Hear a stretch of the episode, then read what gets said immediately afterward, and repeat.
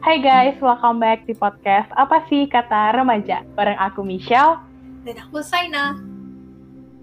Oke guys, jadi sesuai dengan judulnya ya Hari ini kita mau bahas tentang lima tahap kesedihan gitu Atau biasanya uh, dibilang juga five stages of grief gitu Asik. Nah ini tuh sebenarnya udah lumayan terkenal banget Udah lumayan uh, banyak diomongin orang-orang belakangan ini gitu ya five stages of grief ini. Tapi mungkin uh, beberapa dari kalian masih ada yang belum tahu gitu ya kayak apa sih five stages of grief gitu. Mungkin masih Masih, Masih kurang asing. asing. Eh, mas, eh iya masih Oh. asing. masih asing. Masih asing. masih asing gitu, masih bingung gitu kan kayak gimana itu gitu ya. Nah mungkin di sini aku mau coba kayak uh, apa ya kayak Menjelaskan. mm, menjelaskan sedikit gitu ya apa sih five stages of grief apa aja gitu ya. Mm-mm. Jadi uh, si five stages of grief ini itu yang yang membuat gitu ya, yang memperkenalkan itu adalah uh, Elizabeth Kubler-Ross. Jadi dia itu tuh?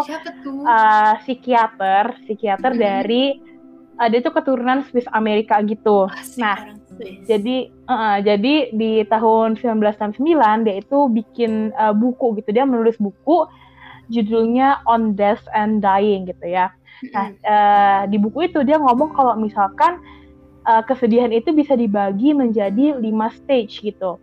Nah, em, dan eh, hasil yang dia temuin ini itu berdasarkan dari observasinya dia dari eh, dia tuh bertahun-tahun kerja, eh, jadi kayak dia tuh observasi orang-orang yang yang penyakitnya tuh yang udah penyakit apa ya kayak yang udah Udah.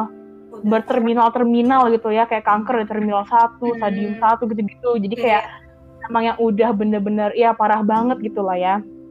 Nah, eh, teorinya dia ini dikenal juga dengan nama Kubler-Ross model gitu kan. Hmm. Jadi sebenarnya awalnya banget si teori ini tuh tadinya cuma buat orang-orang yang eh, yang udah mau eh, udah sekarat gitu lah ya, yang udah mau meninggal gitu, yang udah penyakitnya tuh bener-bener kronis banget gitu.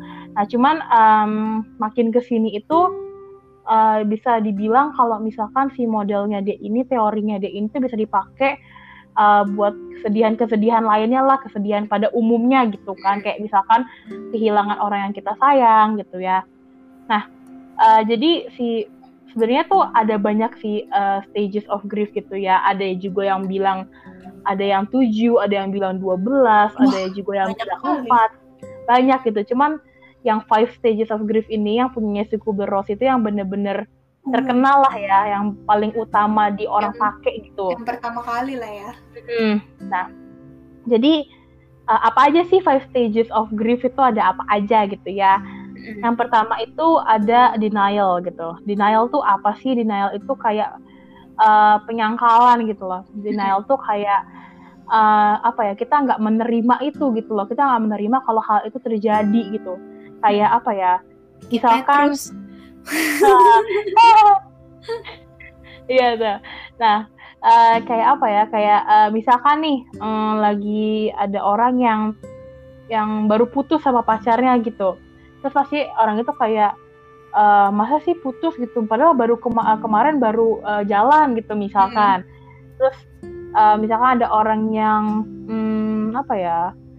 Yang kehilangan pekerjaan gitu. Terus dia, ah, mungkin aja dia ngomong kayak ah itu pasti tuh orang salah eh, pasti paling bos gue besok eh, nelpon gue lagi gitu. Paling Biasa masih ini gak sih gue kalau di sekolah tuh dapet nilai? Kayak gue dapet nilai benar, jelek tapi kayak gak terima kayak ih kok gue eh, salahnya sama kayak dia tapi kenapa nilai gue lebih jelek? Nah ya kayak gitu bisa tuh. Terus kayak ah paling nanti ada jadi bonus tuh Iya. gitu kan ya gitu. Sering banget. Nah ya itu namanya denial gitu ya penyangkalan gitu gak terima gitu. Nah yang kedua itu ada anger. Anger tuh marah gitu ya.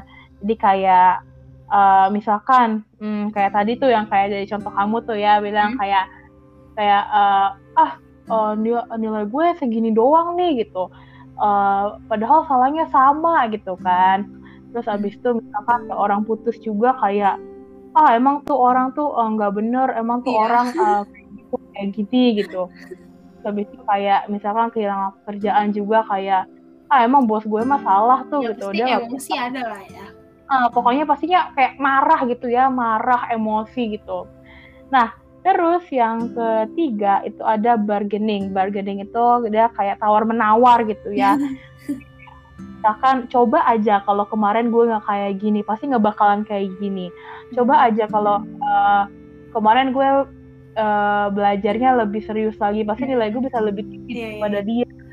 Coba aja kalau kemarin gue nggak nggak bilang kayak gini pasti dia bakalan masih sama gue atau gimana gitu ya. Itu ber bergini gitu uh, tawar menawar gitu. Nah terus selanjutnya yang keempat itu ada depression. Nah depression ini hmm, kayak apa ya kayak dia tuh kayak udah give up gitu kayak mm -hmm. oh udah ngapain gue hidup kalau nggak ada dia? gitu. Terus atau kalau enggak ah ngapain gue belajar orang nilai gue tetap segitu segitu aja? gitu kan. Mm. terus kayak ya gue bisa apa sih kalau nggak ada dia gitu dan lain sebagainya. Itu depression gitu ya. Pokoknya kayak udah udah give up lah ya udah males ngapa-ngapain gitu karena udah kehilangan itu gitu. Nah yang kelima itu adalah acceptance. Ini yang terakhir. Nah acceptance itu ya penerimaan gitu. Kayak apa ya kita jadi jadi bisa menerima sesuatu itu. Kayak misalkan uh, ada orang yang ada orang terdekat kita terus meninggal gitu. Terus kita kayak menerima ayo ah, ya udah dia udah tenang di alam sana yeah. gitu juga uh, misalkan uh, kayak ah ya kan uh, aku putus sama dia karena emang hubungan itu udah gak layak buat dilanjutin gitu. Jadi uh, itu ya kayak um, five stages of grief gitu. Dan uh, yang perlu kalian ketahui di five stages of grief ini adalah kalian nggak apa ya uh, ini tuh bukan hal yang pasti bukan hal yang hmm. harus gitu. Yeah. misalkan kalian mengalami kesedihan gitu. Jadi kalau misalkan kalian sedih ya kalian gak harus uh, melalui tahap-tahap ini tadi denial, anger, bargaining, depression, acceptance itu gitu. Hmm. Karena ini tuh apa ya lebih kayak umumnya aja gitu. Umumnya orang tuh kalau sedih tuh ya bakal ngelawat ini terus ke sini ke sini ke sini gitu. Hmm. Dan di tapi bukan berarti uh, kalian juga akan mengalami semua tahap ini gitu kan ya? Iya. Jadi uh, kalau misalkan uh, mungkin setelah mendengar penjelasan tadi kalian ngerasa kayak kayaknya aku kalau sedih nggak depression deh gitu nggak ngerasain depression itu deh. Atau kalau nggak aku nggak ngerasain uh, bargaining deh misalkan gitu. Dan itu nggak apa-apa gitu karena itu sifatnya bukan wajib bukan harus ada gitu. Tapi lebih kayak ya emang apa ya uh, si kubik ini ya bikin supaya dia ngomong kalau pokoknya umumnya tuh orang tuh uh, kayak gini loh kalau lagi sedih gitu. Tapi kalau misalkan nggak ada ya itu nggak apa-apa banget gitu. Nah um, sekarang aku mau nanya nih ke Saina nih. Nah, pas kamu lagi lagi Sedih. mengalami kesedihan gitu ya, kayak gimana sih? Apa sih kayak uh, apakah ngelewatin si tahap-tahap ini atau kayak enggak atau gimana nih? Kalau aku sih pas ini aku kan awalnya masih bukan awal sih sekarang ini masih cukup asing ya sama si tahap-tahapan ini tapi mm -hmm. tadi abis Michelle ngejelasin terus aku juga nyari-nyari di internet ya aku ngerasa oh iya ya pas kemarin gue sedih gue kayak gini nih yang pertama mm. tuh tahap penyangkalan iya banget sih karena tiap mm. aku sedih tuh aku ngerasa kayak uh, apa ya kayak nggak terima gitu loh kayak kenapa kenapa kejadian di gue sih emang gue ada salah apa? Uh, kayak gitu iya, tuh. iya. sering banget kayak gitu. Terus juga yang kedua marah. Marah sih udah pasti sih. Kayaknya aku kebalik deh. Pertama aku melalui tahap marah dulu baru penyangkalan. Karena saya yeah, yeah. agak emosian ya orangnya. Jadi kadang marah dulu nih. Kayak ah oh, lo nih orang nih begini-begini nih. Uh, uh, uh. Emosi baru nanti biasanya besokannya gitu pas udah agak tenangan dikit itu baru kayak apa sih kejadian di gue? Emang gue ada salah apa sih? Emang gue sejat apa sih? Gitu. Mm-hmm. terus kalau yang menawar ini tuh agak mirip sama ini gak sih Shell? Kayak bisa dibilang kayak penyesalan gitu gak sih? Karena kan kayak beda sih sebenarnya cuman agak-agak mirip gitu gak sih? Kan kalau yang yeah. itu kan uh, jadi kayak kayak apa ya? Karena karena dia nyesel kayak ya apa ya banyak what if gitu kayak what hmm. if if only yeah. gue kayak gini yeah, if yeah. only kemarin gue kayak gini gitu kan hmm. kalau hmm. ini sih aku kayaknya nggak selalu melewati tahap ini sih ya pas aku lagi mm -hmm. karena aku um, kalau dibilang emang lo nggak nyesel apa pas lu begini-begini ya nyesel mah ya tergantung sih aku sedihnya karena apa dulu ya yeah. tapi jarang banget aku melewati tahap si menawar ini ya terus kalau yang depresi aku tidak pernah. Ya kayak sesedih-sedihnya aku sebenarnya definisi depresi itu kan tiap orang mendefinisikannya beda-beda ya kan. Nah kalau aku pribadi sih aku nggak pernah definisi depresi menurut aku aku tidak pernah mencapai titik itu. Gimana tuh ya? Iya iya iya. Paham ya, paham. Misalnya, ya, kayak gitu. Jadi kayak misalnya aku sedih ya udah sedih aja sesedih eh sesedih sedihnya aku tuh nggak nyampe depresi gitu.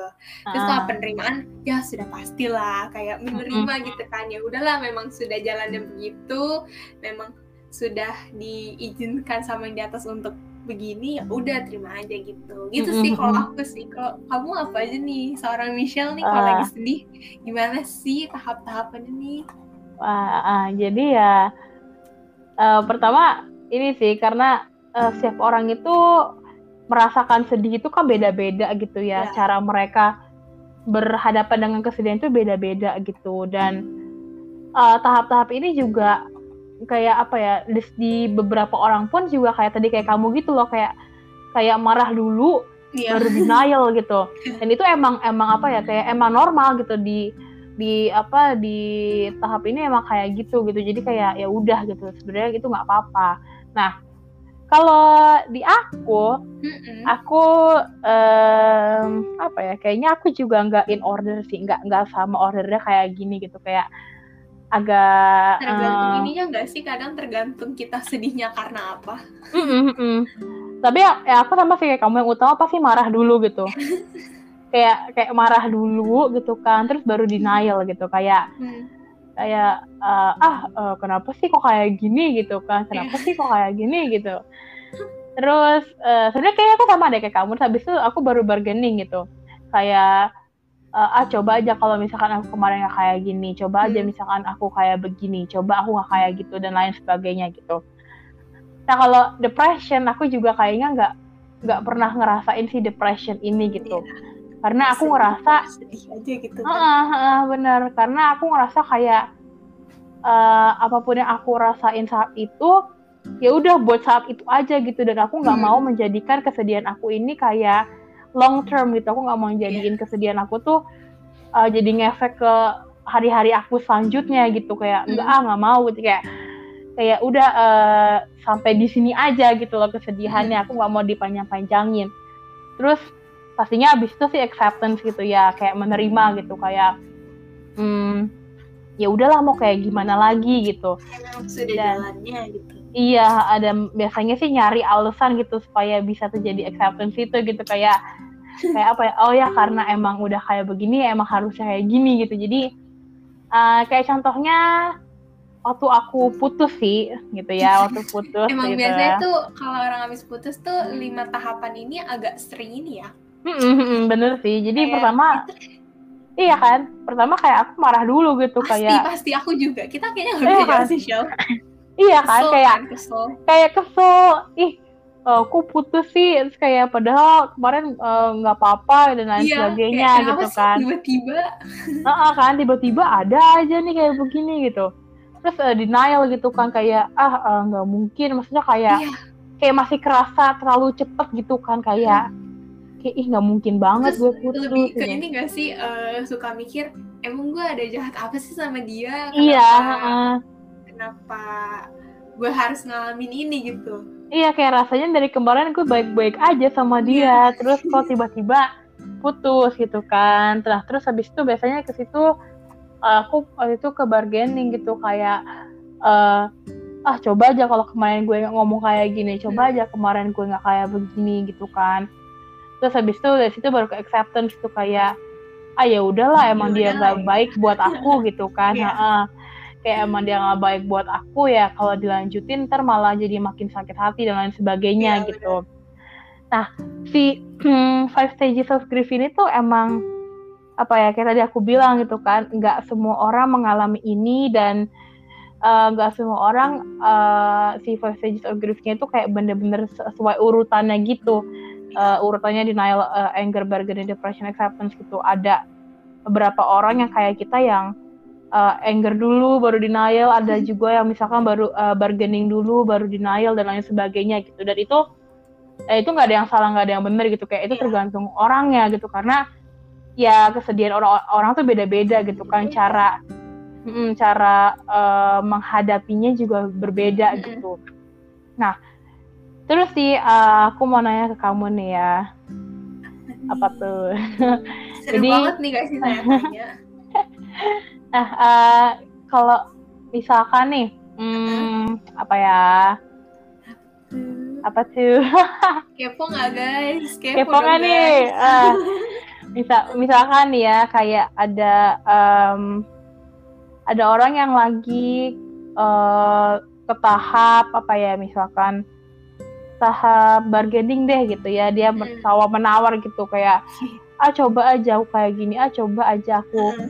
nggak kayak begini gitu kayak apa sih yang kayak bakal kamu sampein maksudnya kayak menurut kamu kamu harus ngomong apa ke dia gitu Nah. kayak supaya dia tuh bisa menerima gitu karena Nah. biasanya kalau orang sedih Hmm. kita pengennya kayak kayak aduh gimana ya caranya supaya gue tuh bisa bisa uh, Bisa- nunjukin ke dia kalau udah gitu loh berhenti sedihnya kayak itu Hmm, gak jangan- layak jangan disedihin sedih berkepanjangan gitu kan. gitu Itu iya susah banget bagaimana sih jujur ya karena Mm-mm. sampai sekarang pun kalau misalnya ada temen aku atau mungkin Michelle juga sesekali pas curhat ke aku terus aku ngerasa kayak aduh eh, seharusnya ya kalau gue jadi dia gue nggak bakal sedih berkepanjangan sih tapi kan Mm-mm. itu kan kelihatannya kayak enteng banget ya aku ngomongnya karena aku Mm-mm, tidak berada di posisi orang itu. Ya. Biasanya sih ada nih satu temen aku yang dia sering banget curhat. Kayaknya Michelle juga, Michelle juga tahu sih ini orang. Heeh, dia kayak curhat dia kayak "Hmm, coba aja waktu itu gue begini begini begini Mm-mm. sebenarnya sih kalau aku ya nanggepinnya yang pertama yang pasti aku kayak mengiyakan kayak mengiyakan dalam tanda kutip gitu loh. Jadi supaya Hmm. dia agak apa ya aku ngerasa kalau misalnya aku iya iya aja di awal kayaknya dia bakal ngerasa agak lebih tenang dulu nggak sih? Karena oh ya ini orang berpihak sama gue. Itu sih kalau di pikiran aku ya tapi nggak mm-mm. tahu sih kalau misalnya di dianya kayak gimana. Jadi yang pasti pertama aku bakal kayak iya nggak apa-apa namanya juga hidup begini begini Ah, begini ah, ah. gitu kan.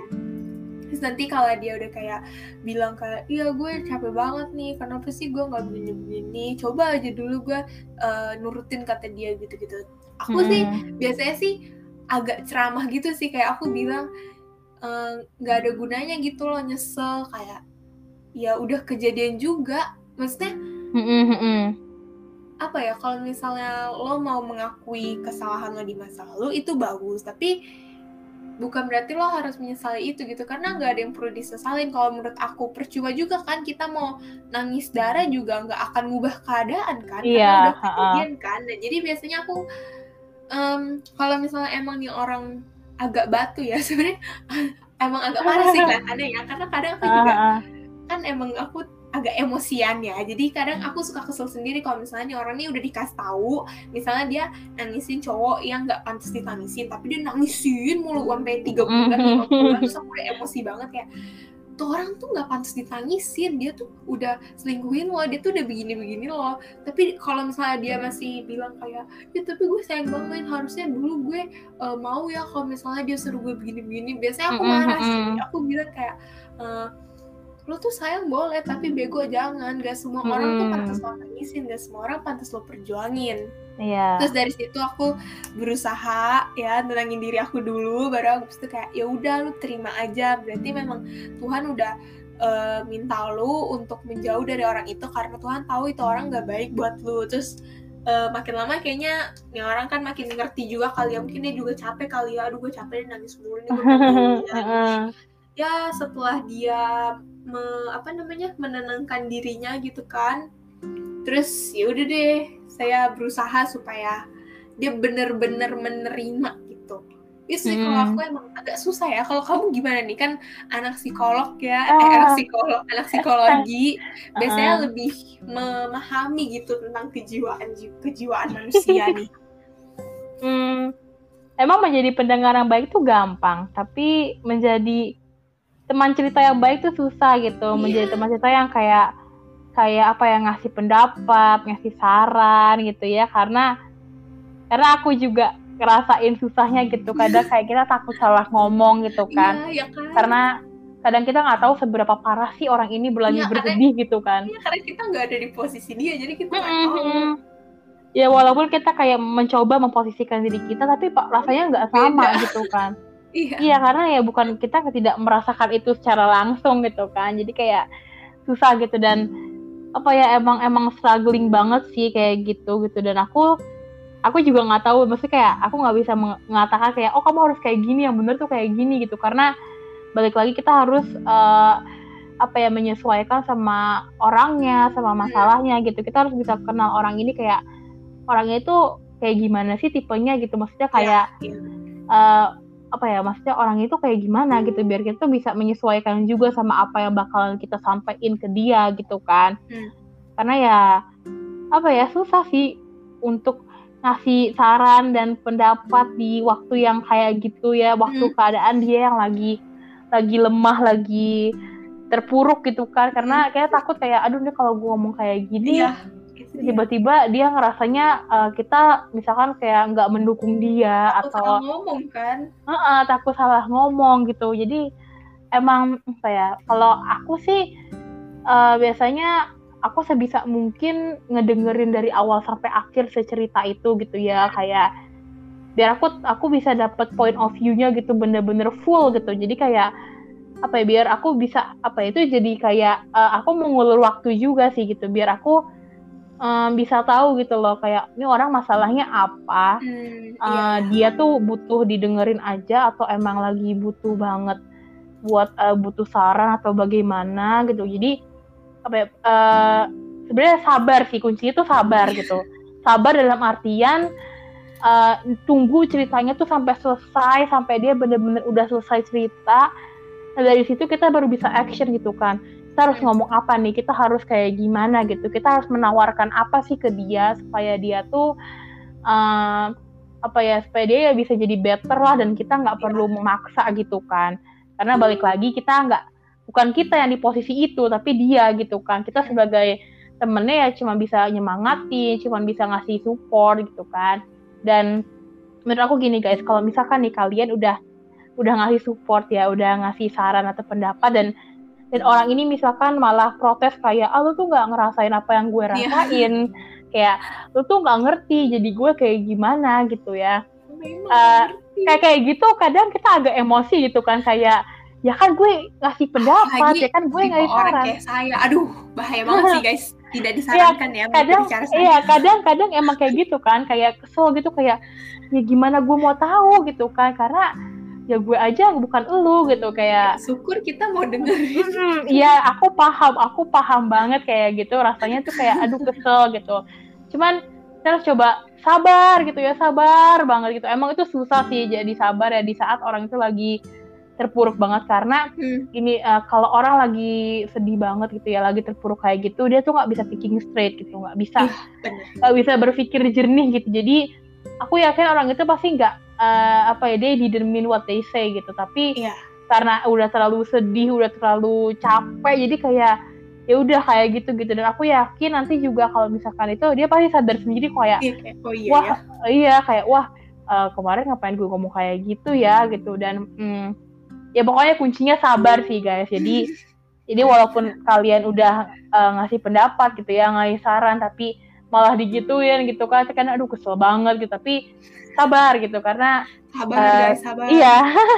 Ketika mereka ada di uh, lowest point of their self itu kayak apa ya kayak emang itu lagi titik tercapainya mereka mungkin lagi titik terendahnya mereka gitu. Jadi kita juga gak bisa menyalahkan uh, mereka gitu kan. Karena ya hmm. ini namanya juga orang lagi sedih gitu. Kadang juga ya udah nggak bisa mikir lah ya kayak aduh udah deh gue sedih gitu kan jadi ya udah hmm. gitu. Jadi jadi terima aja gitu kalau lagi tiba-tiba mereka kayak ngomong kayak gitu kayak ah lu kan gak ngerti? Lu lu gak ada di posisi gue gitu. Jadi udah terima aja sabar. iya iya. Ya jadi sabar aja sabar gitu. Nah um, kalau kita bahas soal sedih-sedihan gitu ya grief hmm. gitu uh, ada kaitannya lumayan erat sama depression gitu. Nah uh, kadang tuh orang suka agak mistaken gitu ya, suka misunderstood antara si grief and depression ini. Karena menurut aku grief and depression ini tuh agak-agak mirip tapi nggak sama gitu loh sebenarnya guys. Seru, gitu. tapi tak. Mm -mm. kayak kalau lihat dari cover aja tuh kita kadang bisa apa ya kayak ada juga ada orang yang kayak langsung ngomong aduh gue depresi nih gitu padahal sebenarnya dia cuma sedih aja gitu hmm, kan hmm. jadi kadang suka salah judgement juga gitu. Jadi mungkin di sini aku bakalan ngasih tahu sedikit gitu ya perbedaan yang paling mendasar si grief and depression iya, itu ya, gitu. salah tangkep ya guys. Mm -mm, mm -mm. karena ini penting juga gitu karena apa ya kayak uh, self diagnose itu juga nggak boleh gitu ya, kan mendiagnosa diri sendiri gitu. Apalagi yang nyoba itu di internet kan kadang ada kan mm-hmm, yang bener banget. namanya? Misalnya mau ngetes apakah ada apa apakah kalian kena bipolar atau apa? Iya iya iya. itu nggak bisa dipercaya uh -uh. 100% guys.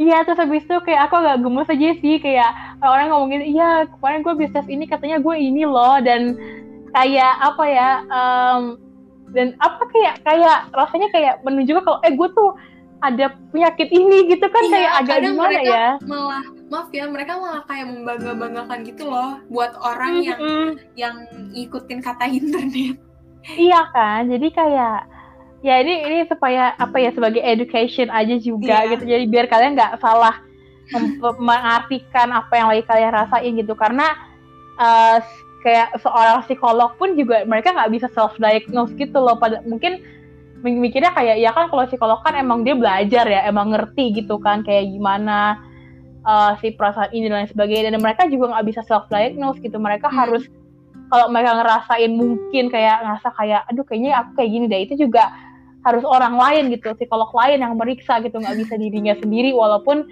dirinya sendiri itu psikolog gitu. Karena apa ya uh, judgement diri sendiri sama judgement orang lain tuh beda gitu loh. Jadi kadang kadang judgement sendiri itu uh, suka agak bias gitu loh uh, bahasanya. Jadi kayak apa ya bias tuh kayak hmm apa ya kayak kebenarannya itu nggak bukan suatu ke ya gitu ya. Jadi saya gini kalau di psikologi itu ada namanya bias ya. Bias tuh kayak suatu kebenaran itu belum tentu yang benar gitu loh jadi apa yang menurut kita benar tuh sebenarnya tuh nggak kayak gitu kebenarannya gitu. Tapi karena hmm, ya karena itu ya, kan gitu pemikiran deh. kita sendiri kan. Jadi kita butuh pemikiran dari orang lain yang uh -uh. Ya, ya dokter aja kalau sakit katanya berobat ke dokter lain kan kagak iya bisa kan? ngobatin uh -uh. dirinya sendiri. Iya, jadi begitu deh itu uh, mungkin kalau kalian boleh lebih jelasin lagi boleh Google aja ya bias in psychology itu apa masuk gitu. psikologi aja deh guys. Iya gitu. Oke. Okay. Jadi apa sih bedanya uh, grief and depression gitu ya? Pertama kita dari symptomsnya dulu gitu ya, tanda-tandanya gitu.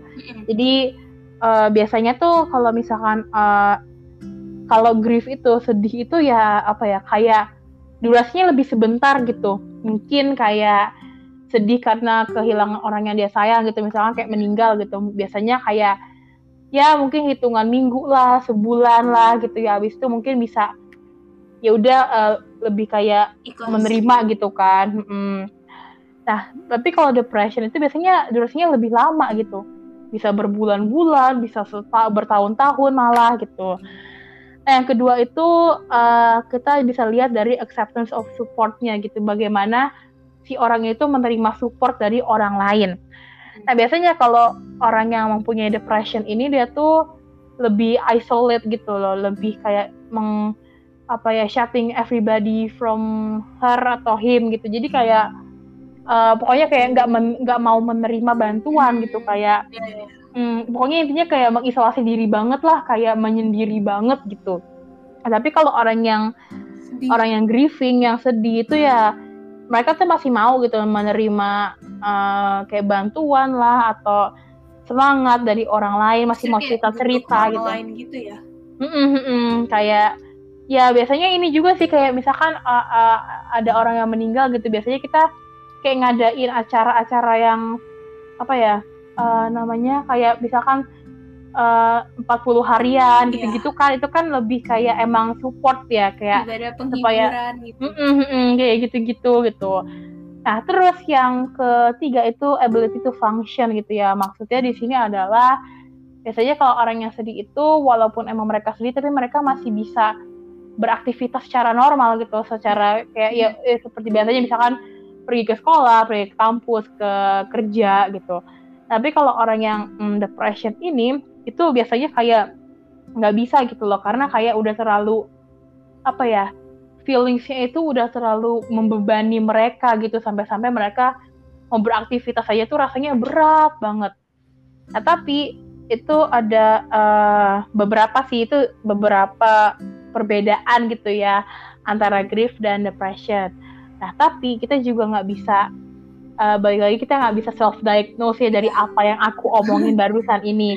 Ini aku cuman ini sih kayak meng-sharing aja gitu apa sih bedanya gitu biar biar kita juga nggak bisa nggak ngejudge orang kayak oh ada orang depresi gitu. Padahal sebenarnya yeah. tuh orang cuma sedih gitu kan.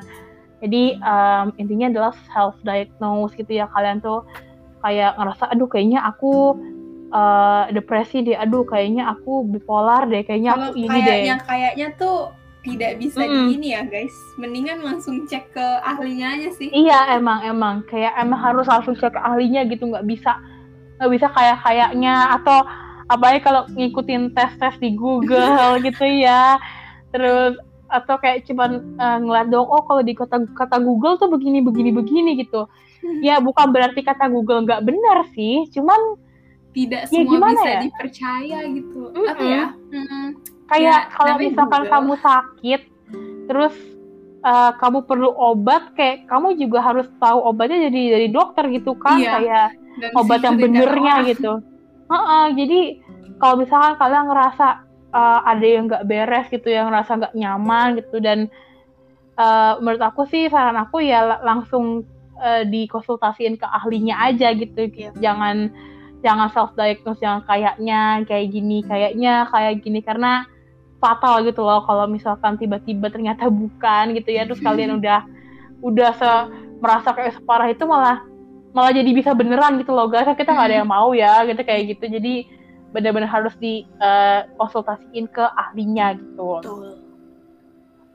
Nah terus um, apa ya mungkin untuk menutup gitu ya karena hmm. Ini tuh nggak perlu panjang-panjang banget sih karena yang namanya kesedihan ya juga jangan berkepanjangan iya, lah ya. Tidak boleh berlarut dalam kesedihan. Nggak mm -mm, ya. boleh berlarut dalam kesedihan gitu. Kita harus meng, apa ya semangat gitu ya dalam hidup gitu walaupun kadang hidup tuh susah banget berat hmm. banget tapi semesta tidak selalu berpihak kepada kita ya tapi bukan mm -hmm. berarti kita nggak boleh bahagia justru kita harus uh -uh. bahagia Iya bener banget nah untuk penutup nih mungkin aku mau ini biasa sih kita biasanya kalau penutupan tuh eh, kata-kata uh, bijak gitu ya, kita langsung berubah jadi Mario Teguh uh -uh, kan? nah mungkin uh, dari Saina dulu nih boleh uh, kasih apa ya kayak um, semangat atau saran buat orang-orang yang mungkin lagi bersedih gitu sekarang, lagi dalam apa ya masa-masa yang terpuruk atau bagaimana gitu. Kita memberi semangat gitu okay. nih dari kamu dulu. Semangat guys. Semangat guys. ya kan harus semangat ya namanya hidup itu kan gak selalu bahagia pasti kalian udah sering banget sih denger kata-kata aku ini ataupun kata-kata dari Michelle kita sering banget bilang hidup itu nggak melulu tentang bahagia pasti ada sedihnya juga ya namanya hidup tapi uh, berarti kalian harus stay di kesedihan itu gitu kayak misalnya yeah, hari yeah. ini kalian lagi dikasih satu masalah lagi uh, yang di atas lagi mengizinkan suatu masalah terjadi di hidup kalian terus kalian sedih ya udah nggak apa-apa kalian terima kalian jalanin itu uh, hari-hari yang mungkin lagi kurang menyenangkan tapi besoknya harus keluar gitu dari hari-hari sedih itu kalian harus bisa bangkit mm-hmm. lagi kalian harus bisa melawan kesedihan itu jangan sampai gini jangan sampai kesedihan itu mengambil alih hidup kalian wah gimana mm-hmm. tuh ya bener banget bener ya, banget pokoknya jangan sampai nih diambil alih karena yang punya kendali atas hidup kalian yang yang bisa mengatur uh, tingkat kebahagiaan kalian ya diri kalian sendiri gitu. Mm-hmm. Terus kalau misalnya memang kalian ngerasa lagi capek secapek-capeknya, nggak ada salahnya untuk cerita ke orang-orang yang kalian percaya atau mungkin uh, kalian ngerasa ada yang nggak beres nih sama gue kan misalnya kalian ngerasa ada gejala-gejala mungkin tentang sesuatu gitu mending langsung dikonsultasin aja ya sama ahlinya daripada mm-hmm. kayak apa kata Michelle tadi itu kan ngikutin internet kan ya gimana ya yang yeah. internet tidak benar sepenuhnya ya jadi mm -hmm. lebih baik langsung dikonsultasin aja sama ahlinya terus ya begitulah yang perlu kalian ingat itu adalah tidak baik berlarut dalam kesedihan karena tidak ada alasan untuk berlarut dalam kesedihan gitu sih mm -hmm. harus tetap happy ya karena ya benar pokoknya kalian bisa menciptakan kebahagiaan itu kapan pun kalian mau sih jadi ya mm -hmm. jangan lupa bahagia. Gitu sih kalau dari aku. Kalau dari yeah. Michelle gimana nih? Michelle Teguh. Ada ya kalau dari aku pertama yang paling penting adalah aku mau kalian inget kalau kalian tuh nggak pernah sendirian ya. Betul. Mungkin kalian tuh ngerasa aduh kayaknya gue sendirian banget sih di hidup ini ya. Uh, gue lonely banget gitu ya. Nggak ada orang yang care sama gue dan lain sebagainya gitu ya. Percayalah di luar sana tuh pasti ada orang mm -hmm. Uh, care sama kamu banyak gitu yang loh. sayang sama kalian tapi mm -hmm. memang mereka kadang gengsi aja sih ngomongnya iya dan uh, pokoknya jangan pernah merasa sendirian gitu percayalah pasti ada orang yang care sama kamu dan terkadang orang itu orang yang paling deket sama kamu dan mungkin kamu uh, kurang menyadari itu gitu yeah. makanya harus yeah. kita harus bisa lebih terbuka lagi harus bisa hmm, lebih jangan terlalu menutup diri banget banget hmm, sih harus lebih apa ya buka mata gitu ya. Jadi kayak mata. Ya kak. Jadi ya itu yang pertama. Terus yang kedua kayak yang tadi saya udah bilang gitu ya kita nggak boleh uh, berlarut-larut dalam kesedihan gitu. Ya. karena uh, percayalah yang namanya kesedihan itu ya itu juga cuma salah satu tahap aja gitu loh guys. Jadi uh, apa ya kayak yang namanya kesedihan itu pasti bakalan berlalu gitu loh walaupun mungkin lama gitu ya bisa bertahun-tahun gitu ya berbulan-bulan tapi percayalah pasti itu bakalan berlalu gitu dan ya. semua orang itu uh, layak kok untuk bahagia gitu ya, everyone jangan, deserves to be happy iya jangan bilang mm -hmm. ah gue nggak pantas nih untuk bahagia mm -hmm. karena gue begini-begini enggak guys kalian yeah. aja diciptain itu untuk uh, untuk merasakan kebahagiaan gitu loh. Karena cerita hidup manusia itu pasti akan berakhir bahagia. Cuman memang dalam satu buku perjalanan hidup kalian itu memang mungkin tidak setiap halaman tentang kebahagiaan pasti ada tentang kesedihannya juga. Tapi pasti akhirnya bahagia sih. Percaya sih. Yang penting percaya. Hmm benar banget. Dan kayak apa ya remember it's a bad day not a bad life gitu. Yes, jadi kalian harus bisa harus bisa find the beauty in life. Itu kata-kata yang paling aku seneng. Karena menurut aku gimana ya? Menurut aku oh ini sih. Kemarin uh, aku sama Saina habis uh, bahas-bahas gitu. Jadi ada satu quotes dari novel yang aku suka banget gitu ya. Katanya there is no such thing as bad people. There is only people who sometimes do bad things gitu ya. Dan aku dari situ uh, kemarin kita habis bahas itu dan aku jadi keingetan gitu ya. Jadi kayak uh, percayalah kayak dunia tuh nggak buruk kok guys gitu bang dan orang-orangnya pun juga sebenarnya nggak buruk gitu. Tapi kadang kadang-kadang tuh orang uh, membuat suatu pilihan ya memutuskan suatu keputusan tuh nggak benar gitu loh. Jadi yeah.